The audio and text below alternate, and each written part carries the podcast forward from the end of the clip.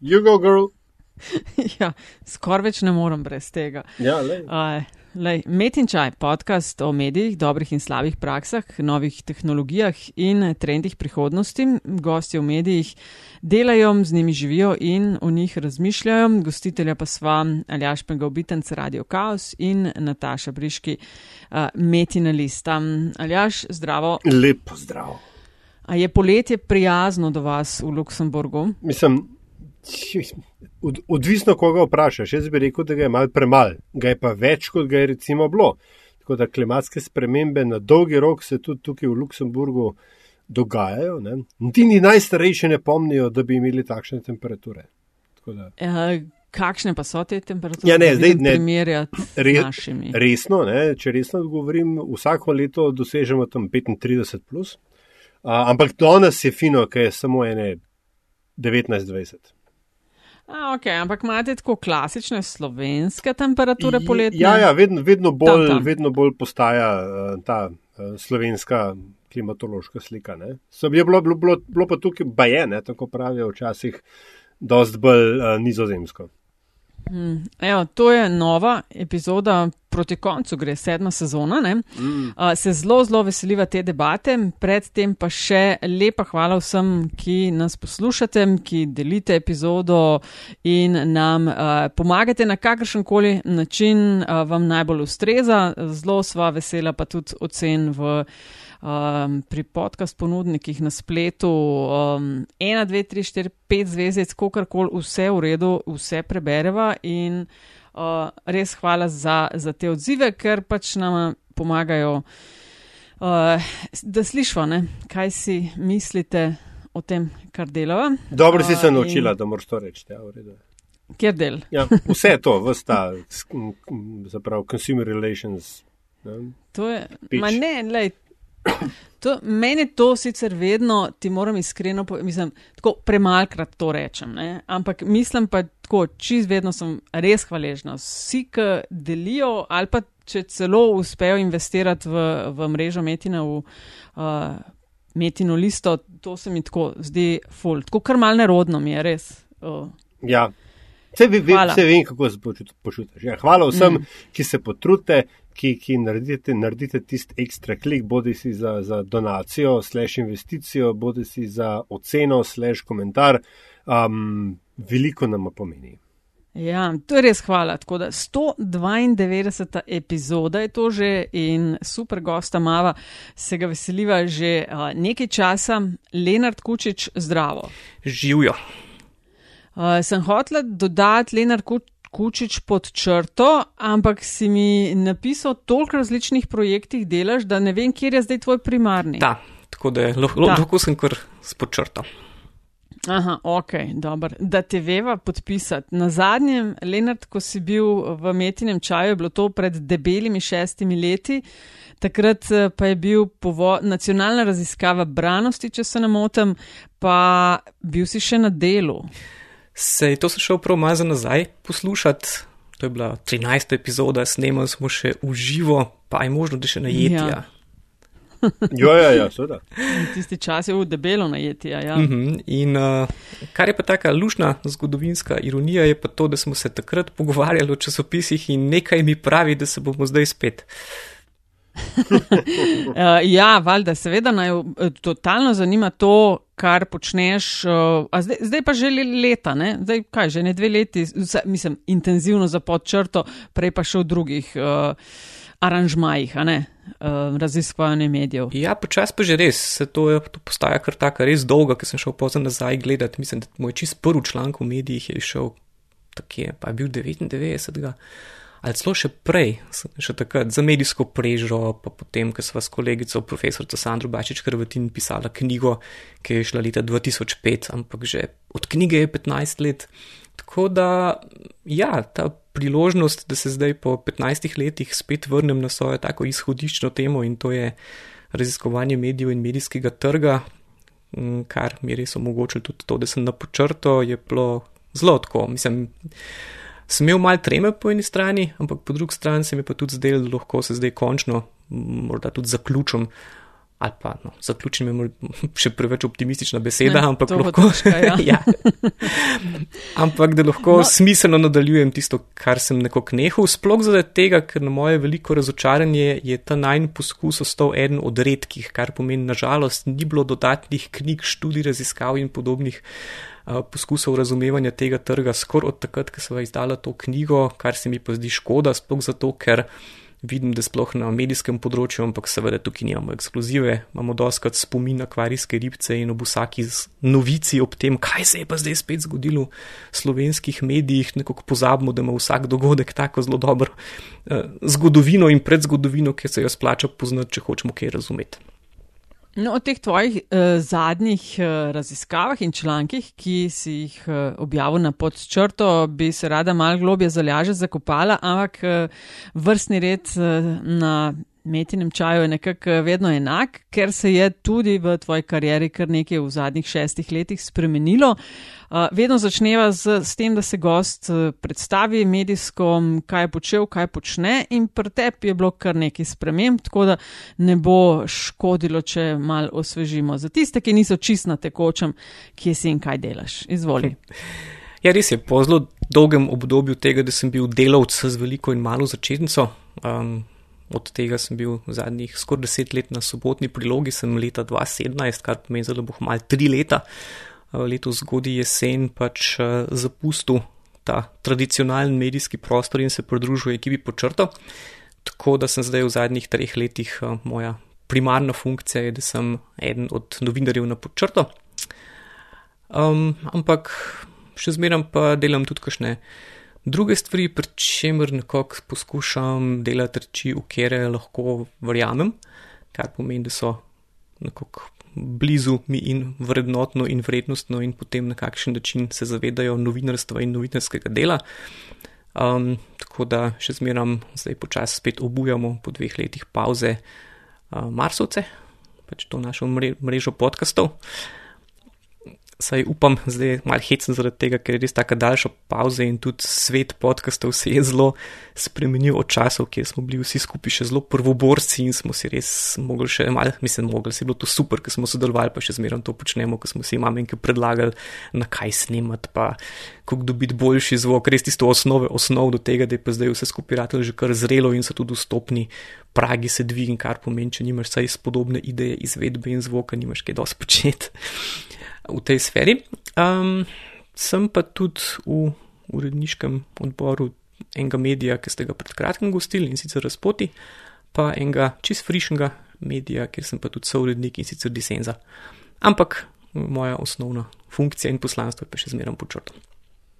Um, kar takoj, ne, um, po eni strani je se stop, mislim, grdo besedo uporabil, se stopne iz nacionalnega medija, kot je bil, uh, bil ne, kot je delo, še vendarle v um, nekaj, kar je pod črto, kar je bližje tvoji, ne, če zdaj skrajšam duši, je po eni strani zelo pogumna poteza. Ne, uh, po drugi strani, kot vem, je bila na nek način. Um, skoraj ne, neizogibna. Ampak tisto, kar bi te jaz rad vprašal, je, kako se človek počuti, oziroma a ti to da hkrati občutek ne, svobode in odgovornosti, ko začneš delati medij ali pa sodelovati v mediju, ki je približen tak ali pa deluje približno tako, kot si ti medije predstavljaš. To je zelo smiselno vprašanje, ker na mojo malo žalost, takrat, ko sem naredil to menjavo in jo tudi malo javno oznanil, so se ljudje skoraj malo za moj okus preveč ukvarjali z vprašanjem poguma. Češ kako v teh nestabilnih časih meniš redno službo na enem skoraj takih najbolj prestižnih delovnih mestih v slovenskem medijskem prostoru, kar pač to, da si redno na sobotni prilogi dela, sigurno uh, je bilo v eno tako negotovo internetno zadevo, kjer ima toliko manjši doseg, kjer te manj ljudi bere, kjer recimo tudi lahko ego trpi, če je bil navajen malo večje izpostavljenosti in podobno. Um, teh vprašanj je bilo večina, uh, predvsej menih je pa bilo tistih, ki so v resnici mene veliko bolj motivirali in to je na kakšen način si na neki točki, kjer bi v vsakem verjetno mal večjem medijskem prostoru bil ravno na neki taki um, ta pravi točki za, karier, za take večje karierne premike, kar pomeni starost okoli 40, v medijih 20 let, praktično izkušnje z vsemi žanri in ne vem kaj, da bi se pa dejansko dal nekako horizontalno ali vertikalno kam napredvati um, ali prevzemati kakšne. Ne vem, uredniške funkcije ali um, štartati kakšne nove projekte. Mislim, tako pač na, na različne načine iti en korak naprej. Sem mal tudi trčil v to, kar sem sicer že večkrat opozval in sicer, da je v Sloveniji pa tukaj ne mislim na Slovenijo v tem slovencološko-fenomenološkem smislu, kaj naj bi Slovenija in Slovenci bili, ampak čist objektivno, glede na velikost prostora, trga in možnosti, da se te res lahko hitro zgodi, da nekje v zgodnih 30-ih, če si rahlo nadpovprečno um, ali nadarjen, ali sposoben, ali zgolj ustrajen, ali pa karkoli že, da pač rahlo izstopaš, lahko nekako dosežeš svoj karjerni vrh kjer ti lahko sicer s pridobljenim znanjem še nekaj časa kolobariš po različnih funkcijah, ampak realno pa ne pridobivaš več mnogo znanja ali pa nimaš več kam naprej kaj početi. In recimo ta, poleg vseh teh stvari, ki so se pol pač še dodatno nakupičile na delu, je mene že prej matral, preden so se a, določene razmere tudi pod novimi lastniki in podobno še bolj začele zaostrovati v primerjavi s prej. Ki me je tako skozi bolj nemirilo, v smislu, kaj jaz lahko v tem prostoru še naredim, da se bom dejansko česa novega naučil ali bom naredil na tako spremembo in vse. In um, po desetih letih tega vseeno razmeroma udobnega dela na enem takem, bolj takem komentatorskem mestu, kar pomeni, kjer seveda še zmeram um, sem imel veliko več časa kot večina mojih kolegov in za pripravo, in za delo, in za vse na, na člankih, kjer sem seveda imel ta privilegij, da sem se večinoma pogovarjal z ljudmi, ki so me zanimali, ki jih ni bilo treba samo tako po roku službe nekako spravljati v medije in vse, ampak um, malo sem pa pogrešil to, če se pa res vrnemo k tem mojim začetkom, uh, da sem jaz v osnovi začel bolj analitsko preiskovalno, ko sem začel takrat še v na prelomu tisočletja medije raziskovati. Recimo, to je bilo resno tako zelo terensko delo, ki smo po Sloveniji iskali zelo razne take poštne nabiralnike, ki se res ni vedlo, kdo je lastnik česa, ko je bil sodni registr še analogen, ker še ni bilo nobenih pajkov, ker ni bilo tako, da se pač upišeš v ene par poslovnih registrov in imaš izrisano celo. Uh, lastniško strukturo podjetij in podobno, mislim, to je bilo veliko, veliko bolj gverilsko.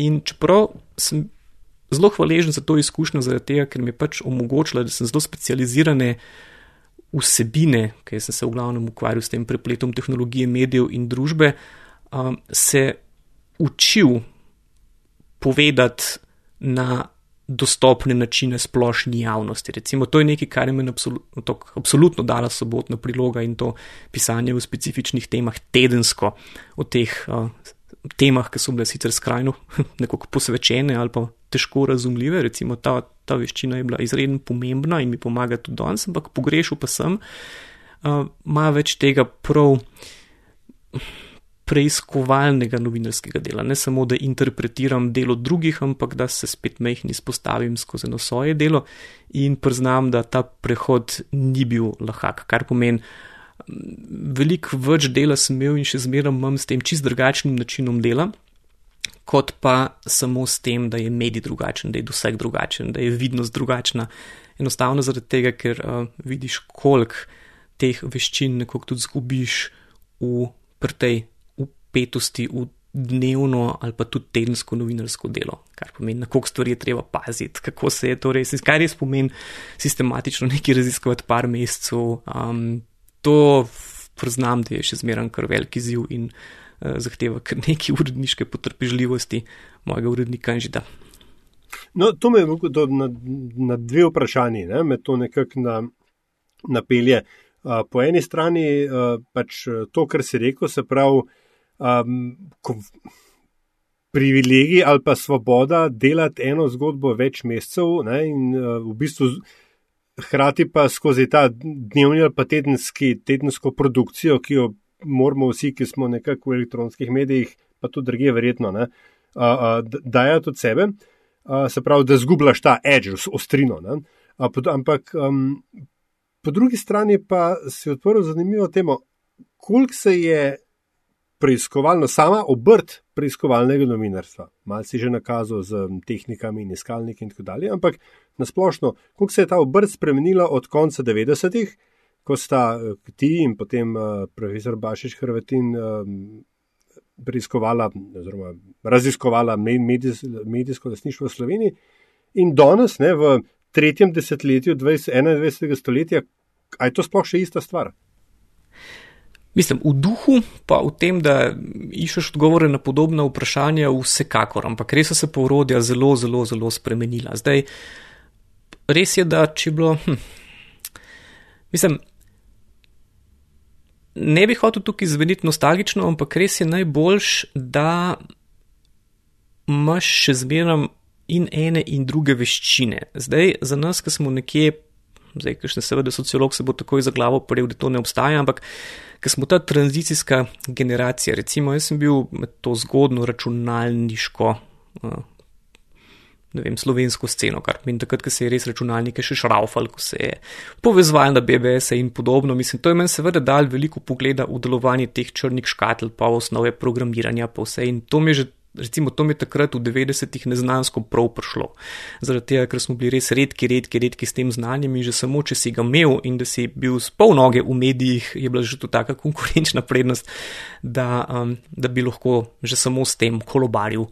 Eh, kar dolg čas. Recimo, danes je to postalo prvič veliko bolj samoumevno, zaradi tega, ker ne zahteva več toliko specialističnih znanj, da ti do določenih podatkov prideš, ker so pač dosti jasno dostopne, kar je seveda fajn, kar vidim pri mlajših, ki jim je to samoumevno, veliko bolj razmišljajo o tem, kaj s temi podatki početi, kar je recimo lahko moja omejitev, ker recimo znam morda do podatkov prijeti, ampak pa polno na kakšen način jih pa upovedati, pa kaj se vse da s temi stvarmi povezati, mi omečken zmanjka.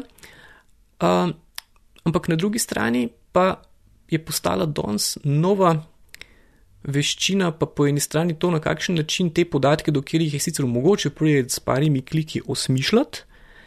In pa, kar je še bolj važno, na kakšen način te podatke približno preveriti ali pa umestiti v eno realno situacijo. Kar pomeni, tukaj mi pa zelo, zelo, zelo prav pride tudi take reči, kot so en tak zgodovinski spomin, um, da vam še zmeram, recimo tudi pri teh člankih, ki sem jih zdaj delal, da sem še zmeram se lahko precej vrnil nazaj na svoje zapiske in posnetke, ki sem jih delal takrat leta 2003-2004 in tudi podatke, um, pa sogovornike, recimo, ki ti pomagajo določene stvari osmisliti.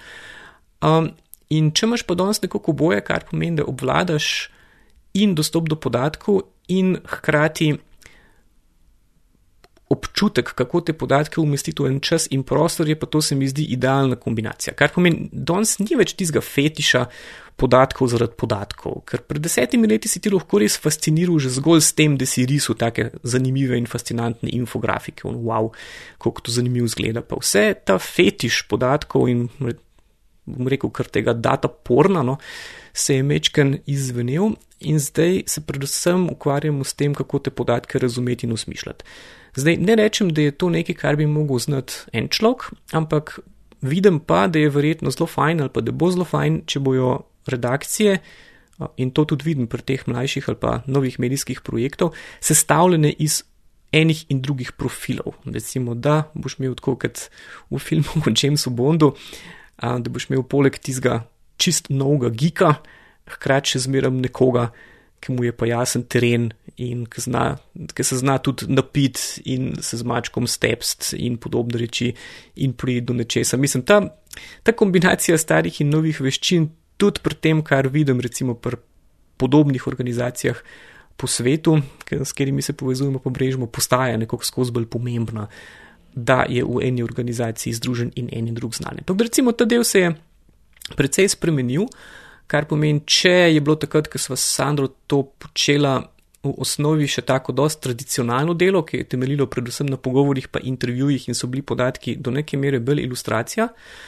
Pol v naslednji fazi so bili podatki res osrednje stvar, kar pomeni skoraj neke vrste fetiš, zbiru si podatke, zato da si pač počel pol take zanimive vizualizacije in podobno. Do tega, kar smo pa danes, pa spet prihajamo do tega, da je pa potrebno oboje, to je ena taka rečemo, evolucija zadnjih desetih let.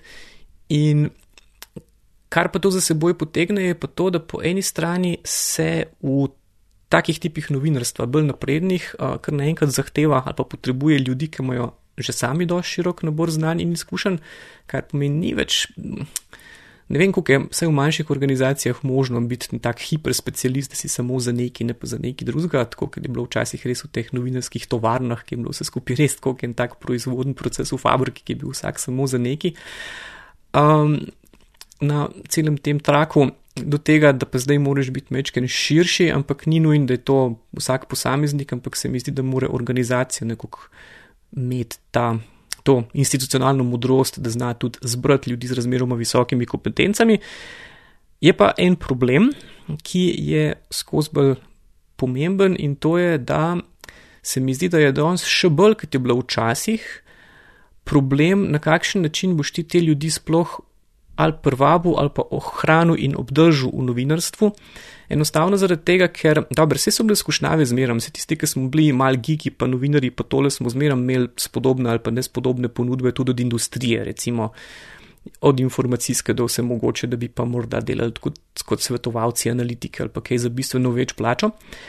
Ampak v tistih časih, če ti je bil to izziv, če si dejansko hotel biti novinar in da si hotel o stvarih javno pisati, ne pa da so tvoje analitske sposobnosti zakopane nekje pol v korporativnih internih memotih in na voljo samo tisti korporaciji, za katero delaš, um, ti je nekako ta izziv, pa ta želja odtehtalo tudi to, da si bil. Slabše plačan, ampak razlika med slabše plačanjem je bilo tako, recimo takrat je bil to faktor 2, kar pomeni, če si bil razmeroma vem, da si bil redno zaposlen na enem uh, uveljavljenem mediju, je bila to še zmeraj ena taka čist podobna plača, seveda nižja, kot uh, bi ti jo ponujala ta konkurenca, o katerih sem govoril, ampak še zmeraj spodobna. Uh, Medtem ko danes je pa problem, da se je ta nesorazmerje med tem, koliko je tako znanje vredno v industriji. In pa koliko ti lahko ponudi medijski prostor, zlasti slovenski, pa tako veliko, da da to postaje zelo tak realen problem. Na kjer pa ne vem točno, kako bo medijska panoga odgovorila, zaradi tega, ker zgolj, zgolj, zgolj na tako idealizem in materialno revščino izredno težko, vsaj dolgoročno, um, vem, gradiš kariero ljudi, ki jih pa danes nujno rabiš. Zato, da zganjaš to, kar je danes novinarstvo, zlasti, kakšno tako bolj specializirano ali pa preiskovalno.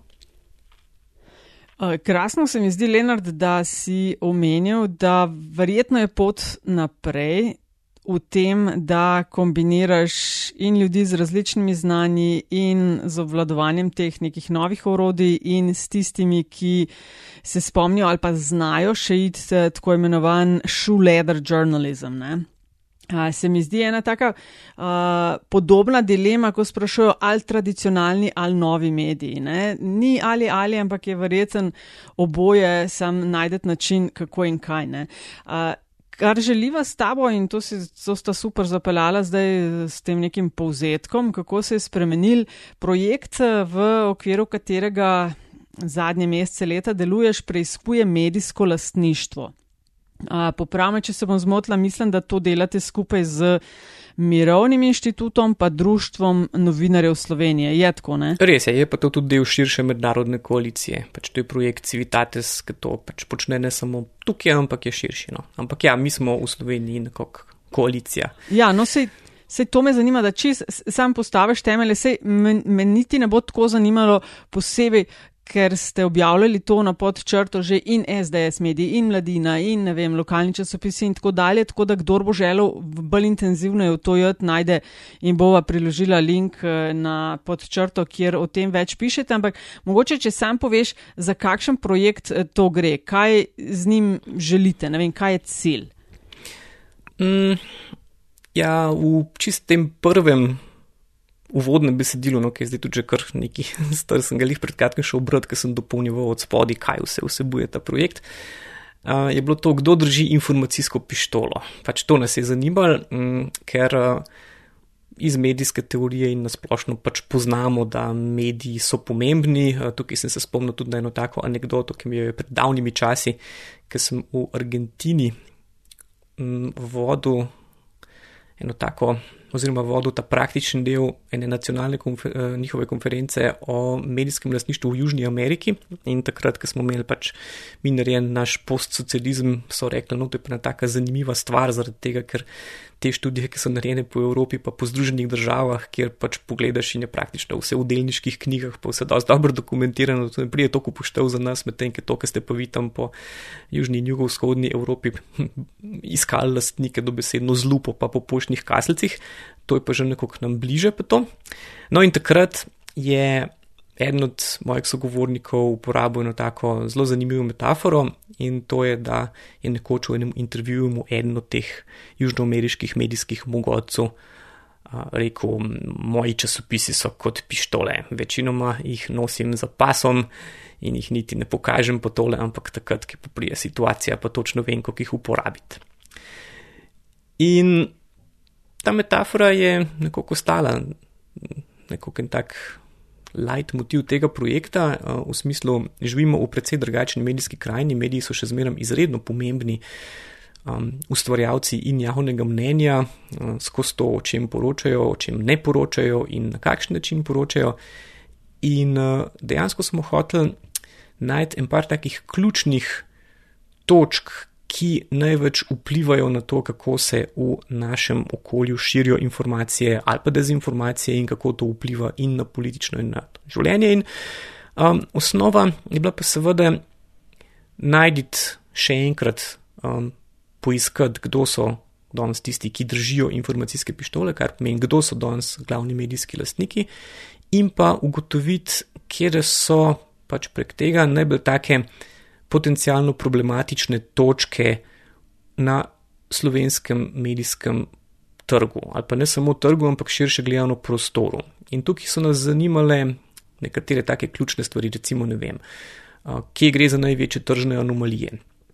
Um, izpostavili smo občinske medije, zaradi tega, ker je to zaradi ene take zanimive nedorečenosti v slovenski zakonodaji, gre lahko vsak let po po enih ocenah 6 in več milijonov evrov za javnega denarja za plačevanje občinskih glasil, ki pa so, nažalost, večinoma samo megafoni aktualnih županov, kar pomeni, um, tukaj recimo smo se osredotočili na to, da gre za domnevno zelo problematično rabo javnega denarja, ki ga ki je popolnoma na razpolago, brez kakšnih varovalk, um, aktualnemu županu, in smo videli, kaj se lahko zgodi, zlasti v primeru Kopra, kjer so bile te zlorabe najbolj um, markantne, ali pa tudi na kakšnih drugih področjih, recimo v celu po Ljubljani, pa še kjer. Recimo, to je bil en tak primer anomalije, ki po eni strani gre za porabo javnega denarja, na drugi strani gre za hudo nedorečenost v medijskem prostoru, pa tudi, recimo, če pogledamo po enih podatkih samo glasilo Ljubljana, recimo, takrat, ko smo to delali, um, ima letni proračun skoraj 700 tisoč. Uh, če pa vzamemo recimo cel tednik mladina, ima pa recimo 2 milijona dobra letnih prihodkov, kar pomeni, zakaj mešti za 10, mislim, kako je lahko ena stvar, ki ima 10, um, izdaja vsako leto, m, praktično ima tretjino proračuna uh, enega političnega tednika, ki izhaja po 50 plus krat na leto, ki ima novinarje, ki ima ne vem kaj vse. Uh, Um, in recimo na ta nesorazmerje smo hoteli mečken tudi opozoriti, recimo, kaj sploh pomeni um, milijon ali pa dva ali pa pet ali pa šest v tem našem prostoru. Uh, še zlasti zaradi tega, ker smo videli, da so se tudi, če rečemo, da so vem, občinski mediji vredni pod narekovajem najmanj uh, šest milijonov na let, po drugi strani pa vemo, da je bil vem, delo kupljen za dobrih sedem, pa večer za milijon, pa da se je mladina prodajala za bistveno nižjo vsoto in podobno je bil pa pol tudi vprašanje, koliko in na kakšen način, pa predvsem koliko vpliva lahko tep kup milijon ali pa dva ali pa tri uh, milijone evrov v slovenskem prostoru. Recimo tukaj je pa bil polen tak zanimiv izhodišče, da smo pol tudi razmišljali pa uh, analizirali medijski sistem SDS-a, zaradi tega, ker smo videli, če lahko ena stranka dejansko že samo iz tujine pridobi več milijonov evrov za financiranje ene lastne agende, pa na to seveda lahko dodatno sofinancira še prek podpornikov, prek strankarskih članov, pred recimo podjetji v, javni, v državni lasti in podobno. Kakšno anomalijo lahko to pomeni na trgu v primerjavi z velikostjo tega trga, recimo koliko moči in vpliva te lahko prenese milijon evrov. Mislim, ampak če se hočeš ti o teh rečeh, saj približen sistematično. No, kaj dobiš? Kaj dobiš za milijon evrov v Sloveniji? Veliko dobiš za milijon evrov v Sloveniji, kot lahko vidimo, glede na, glede na um, to, koliko enega medijskega vpliva je ta investicija prinesla konkretno um, SDS-u in uh, njenim ideološkim spremljevalcem, vidimo, da je mogoče s parimi milijoni v tem zdajšnjem okolju, če dobro obvladaš družabna omrežja in podobno, um, precej velik medijskega vpliva dobiti in uh, da lahko samo v parih letih, recimo sploh če s pomočjo uh, zunanjih donatorjev, zadevo vzdržuješ pri življenju dovolj časa, recimo par let, um, da lahko s tem dejansko sfinanciraš par deset ali pa celo par sto tisoč objav po celem tem svojem medijskem ekosistemu, da ti pa to že omogoča um, ustvarjanje ene take medijske, mnenjske in ideološke mreže, na katero se lahko kar naenkrat referira skoraj vsak, ki išče potrditev za svoje prepričanja. In pa da to lahko z uporabo, mislim, z dobro uporabo oglaševalskih in drugih algoritmov tudi zelo, zelo uspešno spraviš na časovnice običajnih uporabnikov družabnih omrežij. In absolutno je tukaj videti, da če uporabiš par milijonov za tako internetno govorilo ali pa pač obliko temne propagande, je to verjetno boljša naložba, kot če za podoben denar kupiš kjerkoli tradicionalni medij. Um, ko je Al Jardin pred leti, dolgo tega bo, um, napisal eno od teh svojih knjig o, o, o mrežjih, je bil ne umetnik v mreži, ta je bolj nova, ampak skratka. Uh, Poanta njegova takrat je bila, da so centri moči v slovenskih korporacijah, ne, v, v, v družbah, drugje, kot se zdi.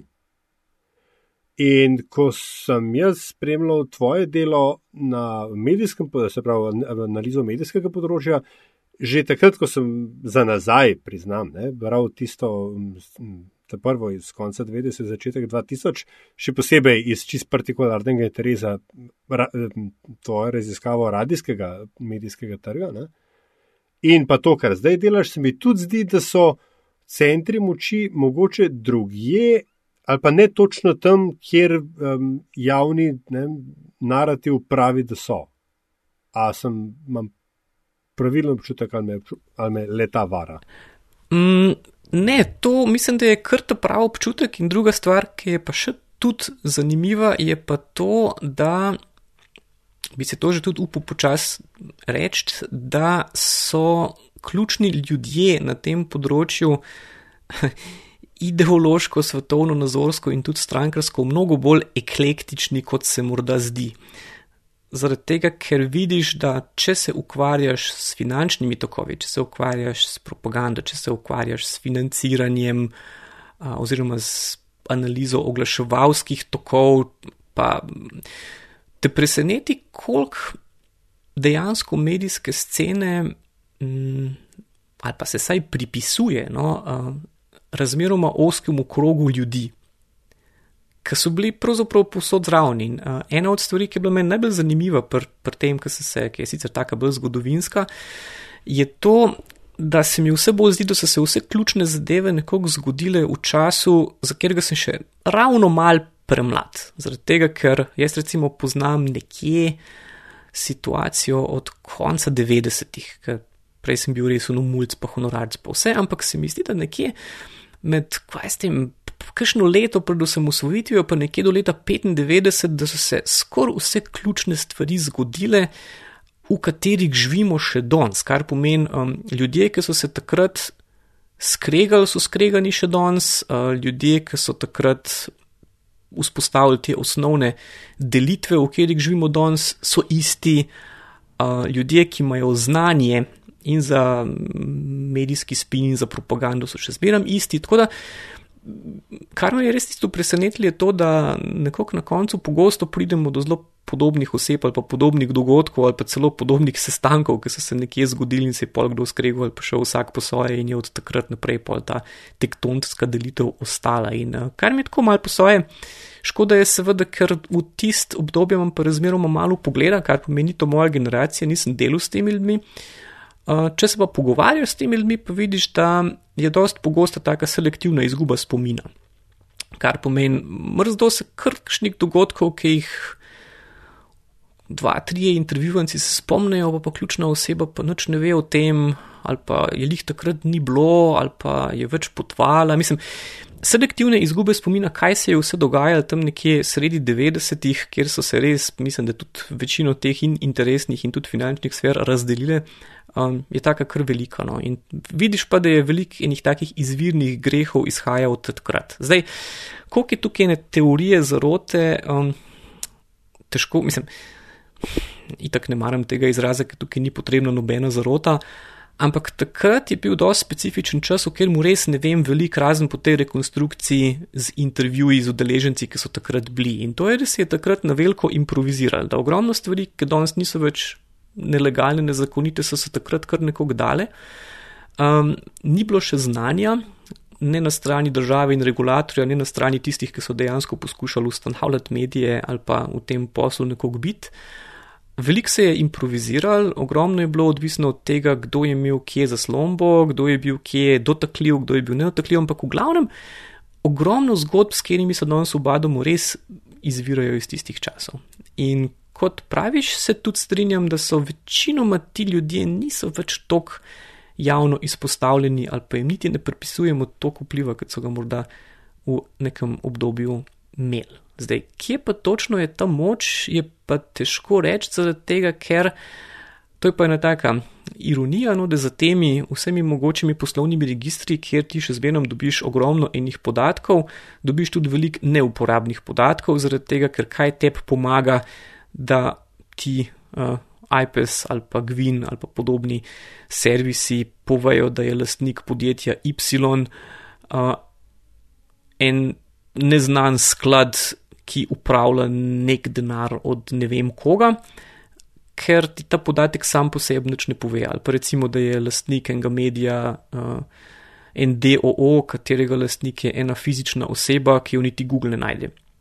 Tako da to, na, na kakšen način pa to osmišljati, tukaj samo vidiš, da je očitno nekdo ali nekaj zadnji, ampak se veš, uh, če združiš to skrivnostnost, s enim splošnim nezaupanjem v vse inštitucije in vse ostalo, se pa tukaj res kar naenkrat mm, lahko zelo hitro ujameš v kakšne take teorije vseh mogočih ozadij in podobno, ki jih pa ne moreš zares ne preveriti, ne ovršt in je samo odvisno malo od tvoje stopne, ne vem, tudi paranoje ali pa tudi tega selektivnega tega, da včasih vidiš nekaj, kar hočeš videti, pa spregledaš nekaj, kar ti ne gre v tvoj pojmovni okvir. Eh, tukaj pa lahko, mislim, tukaj je pa treba res zelo veliko previdnosti, preden približno razumeš, kakšna je situacija. Kaj pa je bil, uh, tako malo finta v levo, zadnji resen pretres na slovenskem medijskem trgu? Hm.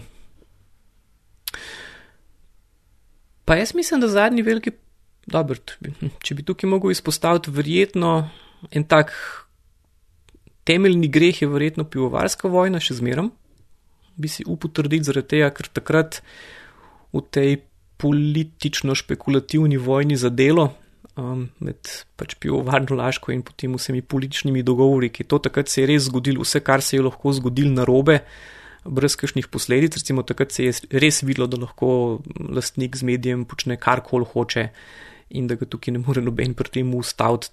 Tudi če je cena tako visoka, da tako rekoč uničiš medije ali pa pustiš tako trajne posledice, da se ta medij ne more več nikoli iz tega izvleči, enostavno zaradi tega, ker se ne toliko škode in na kadrih, in na ugledu, in na poslovanju, in na padcu vrednosti, in na vsem. Da praktično težko našteješ, kaj vse je narobe, ampak takoj, ko enkrat tudi drugi vidijo, da se to da, je pol izkušnjava, da bi se to pač počelo ali pa normaliziralo, postaja zelo velika. Recimo, to je sigurno en tak, eno od takih temeljnih no zgodb, ki se še danes vlečejo, mrske. Um, definitivno vstop tega propagandne mašinerije v, v medijski prostor, recimo ta, ta del je sigurno zelo zaznamoval to prostor v zadnjih uh, nekaj letih, zaradi tega, ker nekaj tacga prvič res še nismo doživeli, zaradi tega, ker tisti tuji lastniki, ki so se tam konec 90-ih, v začetku 2000 ozirali po Sloveniji, ali so bila tu nemška in švicarska založniška podjetja, ali recimo ta industrijska, pa to mislim, to, to ni primerljivo s tem, kar se danes dogaja. No. Um, in koliko smo, recimo, in kot družba, in kot medijski prostor dejansko imeli slabo razvit imunski mehanizem za to, uh, da dobiš en tak, mislim, da dejansko postane ena opcija z enim znanjem in tujim financiranjem. Um, da lahko sistematično ustvarja eno svojo agendo, in na kakšen način smo naredili tisti klasičen uh, cikl da smo zadevo sprva bolj kot ne ignorirali, pol obravnavali kot eno obskurnost, pa pa kar naenkrat postane nekaj, na kar se večji del medijev zgolj še nemočno odziva uh, in pristaja na usiljeno agendo. Mislim, to se je zgodilo res v praktično dveh letih. No. Po naslednja stvar, ki je pa tudi zanimiva, ki je pa danes pač doza spremljati, je pa ta nov uh, val. Um, če se spet vrnemo k temu izhodišnjemu vprašanju, koliko vpliva te lahko en milijon evrov kup. Ja, velik, če ne kupuješ velikih in dragih medijskih tovarn, ampak če uh, delaš na taki zelo pocen uh, mreži proizvodne propagandnih vsebin, ki je sama po sebi lahko zelo pocen, ampak uh, ko pa enkrat narediš en tak skupen učink in pol to združiš še uh, z algoritmi in s to computational propagando, uh, je pa lahko izredno mogočna, kar smo bili tudi v primeru um, Brexita in Cambridge Analytica in Trumpa in vsega tega, kar zelo vidimo, da se dogaja tudi recimo po tem ruskem vplivu. Tukaj pa res vidiš, da zaenkrat se mi zdi neko družba, neko medijski prostor, nimamo enega tega imunskega sistema, ki bi se s tem uh, čudnim medijskim COVID-om znal spopasti. Ena od stvari, s katerimi ali pa do katerih uh, si prišel, je ta, da um, lastništvo medijev da če dalje manj novih lastnikov zanima za res medijska dejavnost, če sem a, prav razumela tvoja poročila. Zdaj pa me zanima, ko imaš en ta pregled dolg par desetletij, ali je več lastnikov, ki so politično motivirani, ali vse več lastnikov, ki so recimo, ne vem, čist prodajno, komercialno motivirani. Se pravi, da imajo neke firme in mediji izkoriščajo za promocijo tistih svojih dejavnosti, ali pa imajo stranke in potem uh, so politično motivirani časopisi, televizije, radiji. Kjer ga je po tvojem več? Ena od stvari, ki jih vidimo, je to, da je ta preplet gospodarstva, politike in države zelo tesen, kar pomeni takoj, ko mi kdorkoli umeni idejo medijskega trga, je moj prvi tak refleks, kakšnega medijskega trga. Um, ker če vidimo, koliko je še zmeraj odvisno od državnega oglaševanja ali pa od oglaševanja podjetij v državni lasti ali pa ki jih obvladuje tako ali pa drugače država in s tem, nažalost, tudi politika, vidimo, da je izredno težko ločiti te dejavnosti, kar pomeni, mm, recimo, takoj, ko imaš ti enkrat velika, ne vem, podjetniški ali pa poslovni konglomerat, ki deluje na mnogo različnih področjih in takoj, ko se ta konglomerat dotika tudi določenih panog, ali je to energetika, ali so to telekomunikacije, ali je to gradbeništvo ali pa karkoli, prej ali pa kasneje postane država v obliki javnih naročil in velikih infrastrukturnih projektov, to je pomemben. To je pomembna stranka. In bolj, ki je to pomembna stranka, bolj si poslovno odvisen od tega, vždubo ali pa ne te projekte, in večje so potem skušnjave, da če si hkrati tudi lastnik medija, tudi svojo medijsko lastnino uporabljaš tako ali pa drugače, tudi na ta način, kar pomeni, da ti medij ni tok vir prihodkov ali pa niti toliko interesov um, poslovati na medijskem trgu, ampak že vnaprej nekako veš, da bo svojo medijsko lastnino unovčil za druge namene. To je recimo Laško krasen pokazal, ko je hotel skupaj z Istrbenzom kupiti državno delež v Merkatorju, je mogel, seveda, da bi ta delež kupil je mogel imeti pristanek države. Država je bil takrat m, mm, praktično uh, vlada Janeza Janše in takrat se je zgodil ti slavni sestanek, ko so nekako uh, pivovarna Laško je bila pripravljena prepustiti vpliv na delu, zato da so pač sami poslovno um, dobili ta svoj delež v Merkatorju, ki jim je bil poslovno mnogo bolj v interesu, ker so pač poleg tega, da so imeli že skoraj monopol na trgu pijač, potem ko so pivovarno unijo kupili, so hoteli si nekako zagarantirati še privilegiran dostop do prodajnih policij. Tukaj je bil delo dejansko samo eden od Jolijev v partiji kart. Um, to je nekaj, kar se nažalost še zmerom do neke mere ponavlja. Mislim, ena stvar, ki smo jih videli, je to, da medijska lastnina je absolutno pomembna. Um, kot ta žoli, pol je pomembna kot to, recimo, kar smo tudi v enem oddelu preiskave pokazali, da mediji praviloma ne poročajo ne pogosto, ne, ne pristransko o interesih svojih lastnikov, kar pomeni, da si lastnik recimo z um, nakupom medija na nek način tudi ne nujno, da si kup pozitivno pokritje, ampak da se lahko kupno tako varovalko pred negativnim poročanjem, pred kritičnim poročanjem svojega početja. Pa ima pa to še en tak učinek, da mediji zelo ne radi pišejo o sami sebi in o drugih medijskih lastnikih, zaradi tega, ker so tako rekoč hitro se pozečne tisto kazanje s prstom.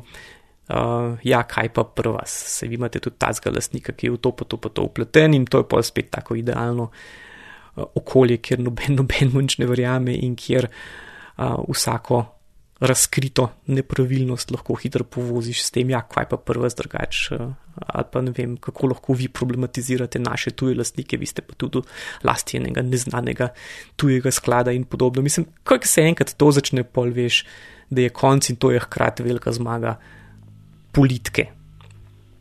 Mhm. No, ko si pri politiki, imel, imel si serijo, mislim, ali pa objavo, kjer ste pisali in popisovali uh, iskanje skritih lastnikov mladine, mislim, da ste nekaj takšnega, da si naslovil to in pa pol ena druga serija, SDS-ov medijski imperij. Zdaj pa mene nekaj zanima, ker sem spremljala mal odzive in na eno in na drugo, ampak ti si bil, uh, recimo, da direkten target. Kdaj bo bilo hujš? Ko, ste, ko si o mladini pisal ali o SDS medijskem imperiju. Hujš v smislu, govorim o odzivu bralstva. Ja, se to je, mislim, ena je bila taka tako, tako klasična. Pač, ko smo objavili mladino, so bili komentarji, ja, kdaj boste pa SDS. Ko smo objavili SDS, so bili Klasika. komentarji, kdaj boste pa mladino. Hm, tako da. Uh, ja, klasika. Ja, ampak tudi to je, se je jasno pokazalo delovanje teh, mislim, kakršna koli iluzija, da te ljudje, ki um, se oglašajo na družabnih omrežjih, sistematično spremljajo tvoje delo in podobno. Ja, se to seveda ne dogaja, ki pač karkoli pade na časovnico ali pa na retvit od retvita od nekoga, ki prvič ja, sliši zate in samo aha, in te umesti v eno, pa pol v drugo. Mislim. Um, A so bile puščice bolj strupene ko je šlo za pisanje o mladini, puščice usmerjene proti tebi in verjetno pod črto, ko ste pisali in dali in imeli na pladnju mladino ali SDS? Ali ni razlike? Mislim, ni razlike v tem smislu, da. No. previden si, previden si, zaznavam previdnost. ja, se imaš prav, ko bi to povedal. Mislim, kar me je biti malo pri mladini presenetilo, je to, da lahko dogmatizem kritikov ni dosti drugačen od tistega na drugi strani. Evo, tvegam to skoraj heretično trditev. No. Uh, zaradi tega, ker stvari, ki smo jih nekako bili navajeni ali pa pričakovali v momentu, ko bomo drezen v um, pač desno Twitter sfero, je razmeroma pričakovana, ampak to, da bo pa zelo podobno na drugi strani, nas je pa vse mečken presenetilo. Um, ja, mislim, koliko je še zmeram, koliko je vse skupaj še zmeram zelo človeško, kar pomeni, koliko smo pristranski do, do naših kdorkoli so že naši, koliko smo slepi na določene stvari. Ta del sem lahko zelo, zelo konkretno izkusil in um, ja, mislim, to, koliko je prišlo enih takih in drugačnih komentarjev, sicer ne tako javno in ne tako vidno, uh, kot če se lotiš desne um, medijske in uh, internetne sfere. Uh, po članku v mladini tega je bilo kar dostno.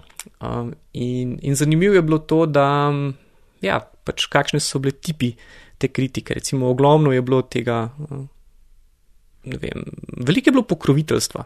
Recimo, ena od stvari, ki sem jo že hotel enkrat dati na Twitter, pa sem rekel, bom raje še enkrat drugič porabil, je to, da če bi, um, če bi jaz že takrat, ko so monopoli išli, če bi pobral samo po en evro za vsak pokroviteljski komentar, če se vsega ne štekam, pa uh, če se vsega ne vem, pa koliko stvari niso take, kot se mi zdijo, pa niso to grozne, pa ne vem, kaj bi lahko upravičeno veljal za tranzicijskega dobičkarja. In, Join the club. Ja, in kučiš vi, kučiš vi ne razumete. Ne? Ja, ja, ja, mislim, in tukaj enega tajega prepričevanja iz tistega, ja, se vem, ampak, mislim, to, to, tako, zelo podoben vzorc je bil. No. Da, da na, neki točki, na neki točki bi mogel jaz razumeti, no, zakaj je to tako in, in zakaj. Skratka, mal si utišal družbena omrežja v tistih uh, dneh. Tako nekako. No. Uh, yep. no, nekaj, nekaj drugega, mogoče Leonard, a v, v vseh teh, um, v tej seriji, ne, um, uh -huh. o medijih na zadnje, a je glede na to, da pač recimo, da če kdo pa ti poznaš veči, to sceno in kot si rekel, večino geneze ne, oziroma razvoja dogodkov, a te vendarle kaj presenetilo? Notar, v, v, v, od odkritega ali pa razkritega. Uh, ja, najbolj me je presenetilo res ta ustrajna nepripravljenost o tem govoriti. No. Mislim, to se pa res ni čist nad spremenil in ne glede na to, koliko se stanje slabša, koliko so pritiski bolj očitni, koliko, je, koliko, koliko so, mislim, koliko, koliko več je v igri, koliko bolj je poklic pod pritiskom in politike in lastnikov in tole, kako se še vsem nekako trdoratno nočemo o tem zares pogovarjati. No. Ampak to čist na taki zelo materialni osnovi. Tako, kdo odloča, kdo ne, kaj lahko delam, kaj ne, kje trčem ob samo cenzuro, kdaj ne. Mislim, eno stvar, ki ste jo verjetno opazili, je to, da če, če grem čez zapiske, po moje sem imel to danes že tam čez 50 intervjujev no, za to medijsko temo, ampak tako po vseh plasteh tega, kar pomeni od nekdanjih in sedanjih vodstvenih do urednikov, honorarcev, skratka celo paleto uh, ljudi, od tistih, ki so še v medijih, ki niso. Mislim, kako tako na prste ene pa pol roke no, so tisti, ki jih lahko v člankih vidite predstavljene z imenom in primkom. A veš, koliko je tega, da po en stran, koliko nam gre na živce ti J-strici iz ozadja, ki jih noben ne upa ument, um, koliko sami hočemo imeti žvižgače, koliko skor častimo gospoda Galeta, pa tole, ampak koliko težko je pa to v svojem lastnem poklicu mehen odpreti iz različnih razlogov. Recimo ta, ta trdovratnost me je mečken presenetila, da ne glede na to, koliko stvari poslabšaš, koliko je resno, koliko bi se res, res, res mogel začeti mal drugače pogovarjati o teh rečeh, um, da je pripravljenost ali na kakšno spremembo ali pa na kakšne stvari odpreti res zelo takano, ki je bila leta 2004 in da so tudi dosti tistih komentarjev, ki jih slišim ali pa ki smo jih slišala Sandro takrat po izdaji knjige, da so praktično identični. Uh, Da te isti ljudje pripričujejo, da ne štekaš in, da, in da stvari niso tako slabe, kot si jaz mislim. Veš, da ja, cveti. um, ej, hvala, veš, kaj me zanima še, pa pa neham. Uh, v eni od prejšnjih epizod sva zalažem gostila uh, Gorana Vojnoviča in med drugim smo govorili, ja, on pač razlagal svoj odnos do tega nekega trolanja oziroma trolov na družbenih omrežjih, Twitterju in tako dalje. Se je tako dost lušna, zanimiva debata razvila, eni za to, eni za uno, eni za ja argumentirati, eni zapustiti na miru, eni za tih biti. Zdaj pa mene zanima, kakšne, kakšna je tvoja teorija ali pa na svet ali pa kaj ti prakticiraš, kadar gre za to. Oh, ah, seveda, jaz sem poslušal to debato ja, in, je, in je imel par takih uh, zelo luštnih uh, o teh. In na nek način bi se jaz lahko tudi podobno uh, spomnil svojih časov na forumih in podobno, in takrat je res veljala ena taka. Mislim, po eni strani mi, je, mi ni tako daleč ta zelo ostrina internetne debate, ki je obstajala že na BBS-ih, kar pomeni uh, od tega, da si že pri kažem takem, če si nekaj hotel naprogramirati in si pol tam vprašal ne vele znalce, mislim, so ti te prvi dal vedeti, da nisi vreden tipkovnice, na katero tipkaš, pa so ti pa mora biti povedali, da v 30 vrstici nekaj spremen, pa ti bo delal. Tako da te ostrine internetne debate se sicer že naučil in tudi tega, koliko je tlene igre, pa vsega živega. Tukaj se malce strinjam tudi s Koranom, ki je rekel, da je tukaj lahko tudi veliko igre in da pol vprašanje, koliko te ljudi res verjamejo, kar, kar pišejo. Ampak meni to niti ni to grozen pomemben, zaradi tega, ker se res dogaja na taka normalizacija nesprejemljivih načinov komunikacije, kakorkoli obrneš. In zdaj, na kakšen način se jaz tega lotevam, ne vem. Iz, Iz forumov smo se naučili pač ne futrati trolov, tako da to še zmeraj ena taka stvar, ki jo počnem. Um, ne pristajam na to, da sem jaz izpostavljen z imenom, priimkom in uh, svojim dosedanjim delom in vse. Um, in da se pol tukaj na isti ravni pogovarjam z nepodpisanimi, uh, očitno lažnimi profili, recimo tega tudi ne delam. Um, se ne spuščam v debate z anonimneži, recimo. Uh, kar poskušam je to, da pač sam ne delam tistega, česar pri drugih ne maram, kar pomeni, ne retvitam stvari, ne da bi jih preveril, um, ne spuščam nivoja komunikacije pod neki, kar ne bi počel v živo.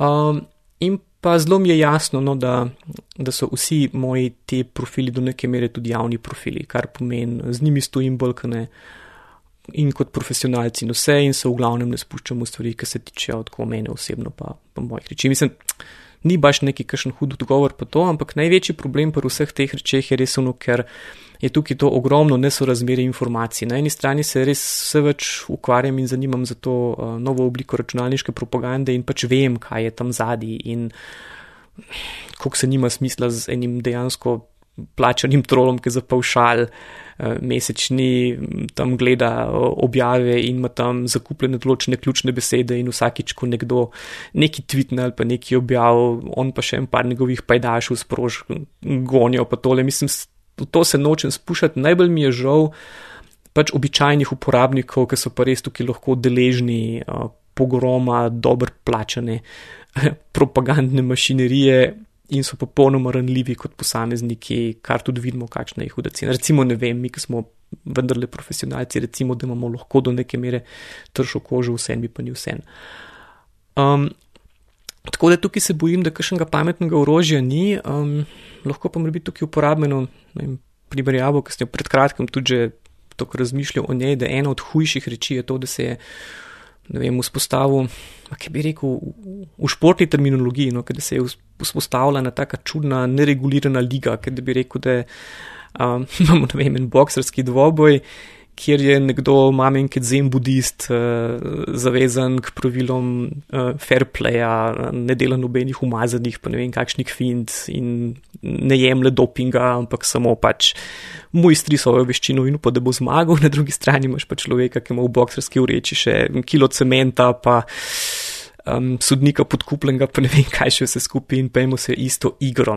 Zelo podobno je postalo v medijih. Pač to, um, koliko tisti, ki hočemo približno, ali pa mediji, ki hočejo približno ostati zavezani splošnim um, novinarskim vrednotam, kar pomeni vsaj uh, zavezanosti, preverjanju, dejstvom, iskanju najbližjega možga, pri, približka resnice in podobno, na drugi strani pa čista propagandna mašinerija, ki ne spoštuje nobenega pravila in celo pravičuje sredstva, vse skupaj pa pod istimi pogoji ali pa celo pod slabšimi pogoji nastopa na družabnih omrežjih kot nekaj, kar informira velik del mojih sodržavljanov.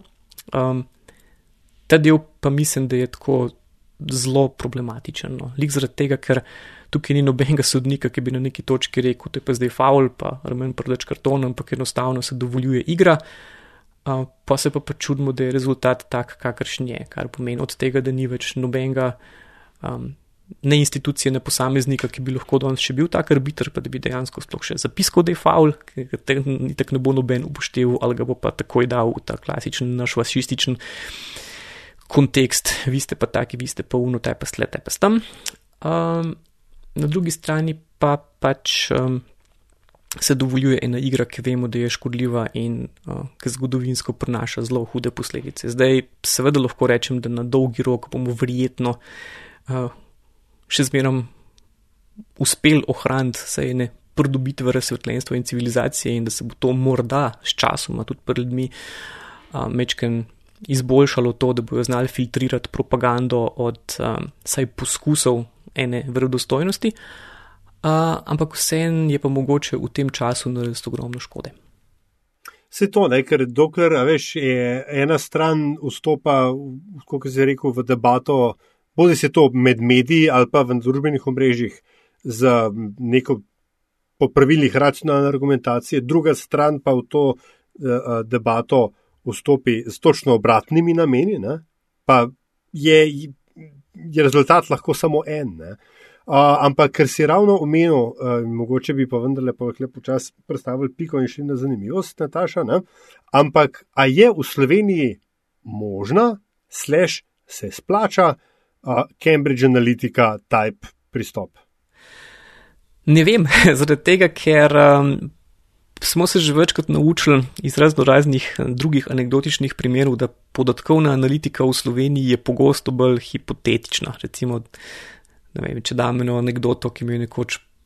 Ja, Nepreverjena, ampak zgolj anekdota. No, ki mi je nekoč en kolega, ki je delal za enega od trgovcev na tem kartični analitiki, je rekel, kaj te pomaga narediti, ne vem, kakšno analizo, kaj se splača, kaj gre, na kakšen način, če pa bolj pomembno, uh, kdo pozna dobavitla pr. In, in, in kako se zmeni, glede količin, kva se boje za kakšno maržo, pa ne vem, kaj prodajajo, podatki gor ali pa dol. In mislim, da v Sloveniji je še zmeraj tako, no, da te stvari so sicer fine in sigurno se bi jih dal koristno uporabiti, ampak na koncu pa prevladajo take dost osebne, pa lahko tudi zelo tako butaste metode, eh, ki pa še zmeraj določenim ljudem služijo, določenim ciljem in delujejo in zakaj bi bili tukaj kaj bolj sofisticirani, kot je treba. Mislim, se tukaj je polena stvar, ki veliko gledam, na kakšen način se tudi na družabnih omrežjih zgražamo nad. Mislim, če imaš mečken kulturne, estetske in ne vem kakšne izobrazbe, seveda se ti lahko zdi ogromno stvari, ki se dogajajo, ne vem, če izpostavim samo zadnjo državno proslavo. Uh, tako tok neverjetno pod nivojem, da zaboli res praktično vse tvoje poklicne čute, ne glede na to, kjer poklic opravljaš. Ampak po drugi strani si pa rečeš, ja, ampak dobro, ampak kaj pa če to vse nagovarja tiste, ki jim je to namenjen. Mislim, zakaj vraga bi se jaz tukaj, ne vem, pisal praktično eseje o tem, kako je to slab Photoshop, če pa nekdo v tem videl na tanko tisto, kar mu je v enem momentu nekaj zadogajal in je to to. Ampak to, da se mi zdi, da tukaj po enih takih rečeh se še zmerom zgublja ogromno časa in energije okoli ene take površine, oziroma veliko, veliko, veliko preveč se pogovarjamo o kakšnih takih finesah, pa vse premalo se pa vprašamo o takih temeljnih rečeh, recimo, ne vem, isto kot to. Um, Kot smo, ne vem, če se pogovarjamo, zakaj je pri medijih še zmeraj pomembno lastništvo. Zaradi tega, ker pač na koncu je lastnik tisti, ki v Sloveniji, saj v veliki meri odloča. Zdaj, zakaj je tako? Do neke mere, ker ima kapitalsko moč, do druge mere zato, ker lahko nastavlja urednike, ker ni nobene varovalke pred tem, da bi urednik dejansko mogel biti kompetenten pa imeti podporo kolektiva, ampak je lahko nastavljen, kar seveda krepi moč lastnika. Če pa hočeš razumeti moč lastnika, se pa spet ne moramo pogovarjati. Hm, zgolj v enih takih rečeh, ne vem, imamo en časopis mal preveč kulture, imamo mal preveč, ne vem, reportaž, ampak moramo iti ene par korakov nižji. In kot je rekel hm, Evgenij Morozov v eni debati, ki sem imel na Monilebu pred parimi tedni, da je ena od stvari, ki jo najbolj zamer uh, levici, je to, da pač zbiram predvsem prebira kulturne študije na mest Wall Street Journala in pri tem pozablja, da je Marx praktično napisal kapital z tega, da je v britanski kraljevi knjižnici zbiral podatke in poslovne statistike o poslovnem tisku in številka so mu začele delati eno sliko, ki jo je pol pač sistemiziral in poimenoval kot kapitalizem. In tukaj so ta osnovna vprašanja. In če rečeš, ne vem, um, recimo, da imaš ti enega medijskega lastnika, za katerega veš, da je odvisen od državnih poslov in veš, da je zdaj prišla na oblast konkretna politična opcija, ki je že v enih od prejšnjih mandatov pokazala, na kakšen način razume discipliniranje medijev prek uh, razporejanja državnega denarja. Uh, je pravzaprav dosti ne pomembno, kdo je trenutno urednik, pa kdo je tam novinar, ampak približno lahko vemo, kaj se bo zgodil, uh, v kakšne dele bo prej ali pa kasneje tak lastnik prisiljen in kdo bo potegnil kratko. Kar pomeni ta individualizacija, tukaj ti mehki upori znotraj določene reakcije, kakšen pogumen novinar, ki si upa začeti kakšno.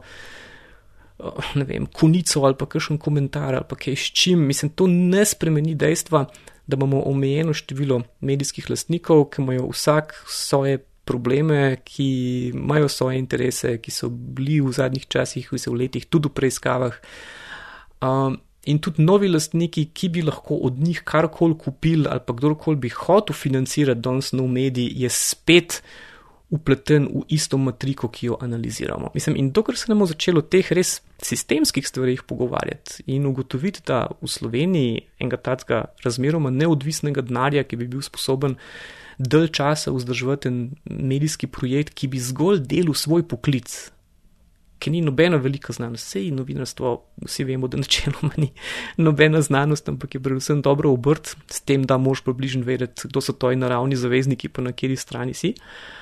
Um, se zelo težko pogovarjamo o teh malih individualnih bojih. In uh, interesne sfere in kapitalske sfere so približno jasne. Pač vemo, kdo ima medije in vemo, kdo je za večjim delom propagande. In the rest are details.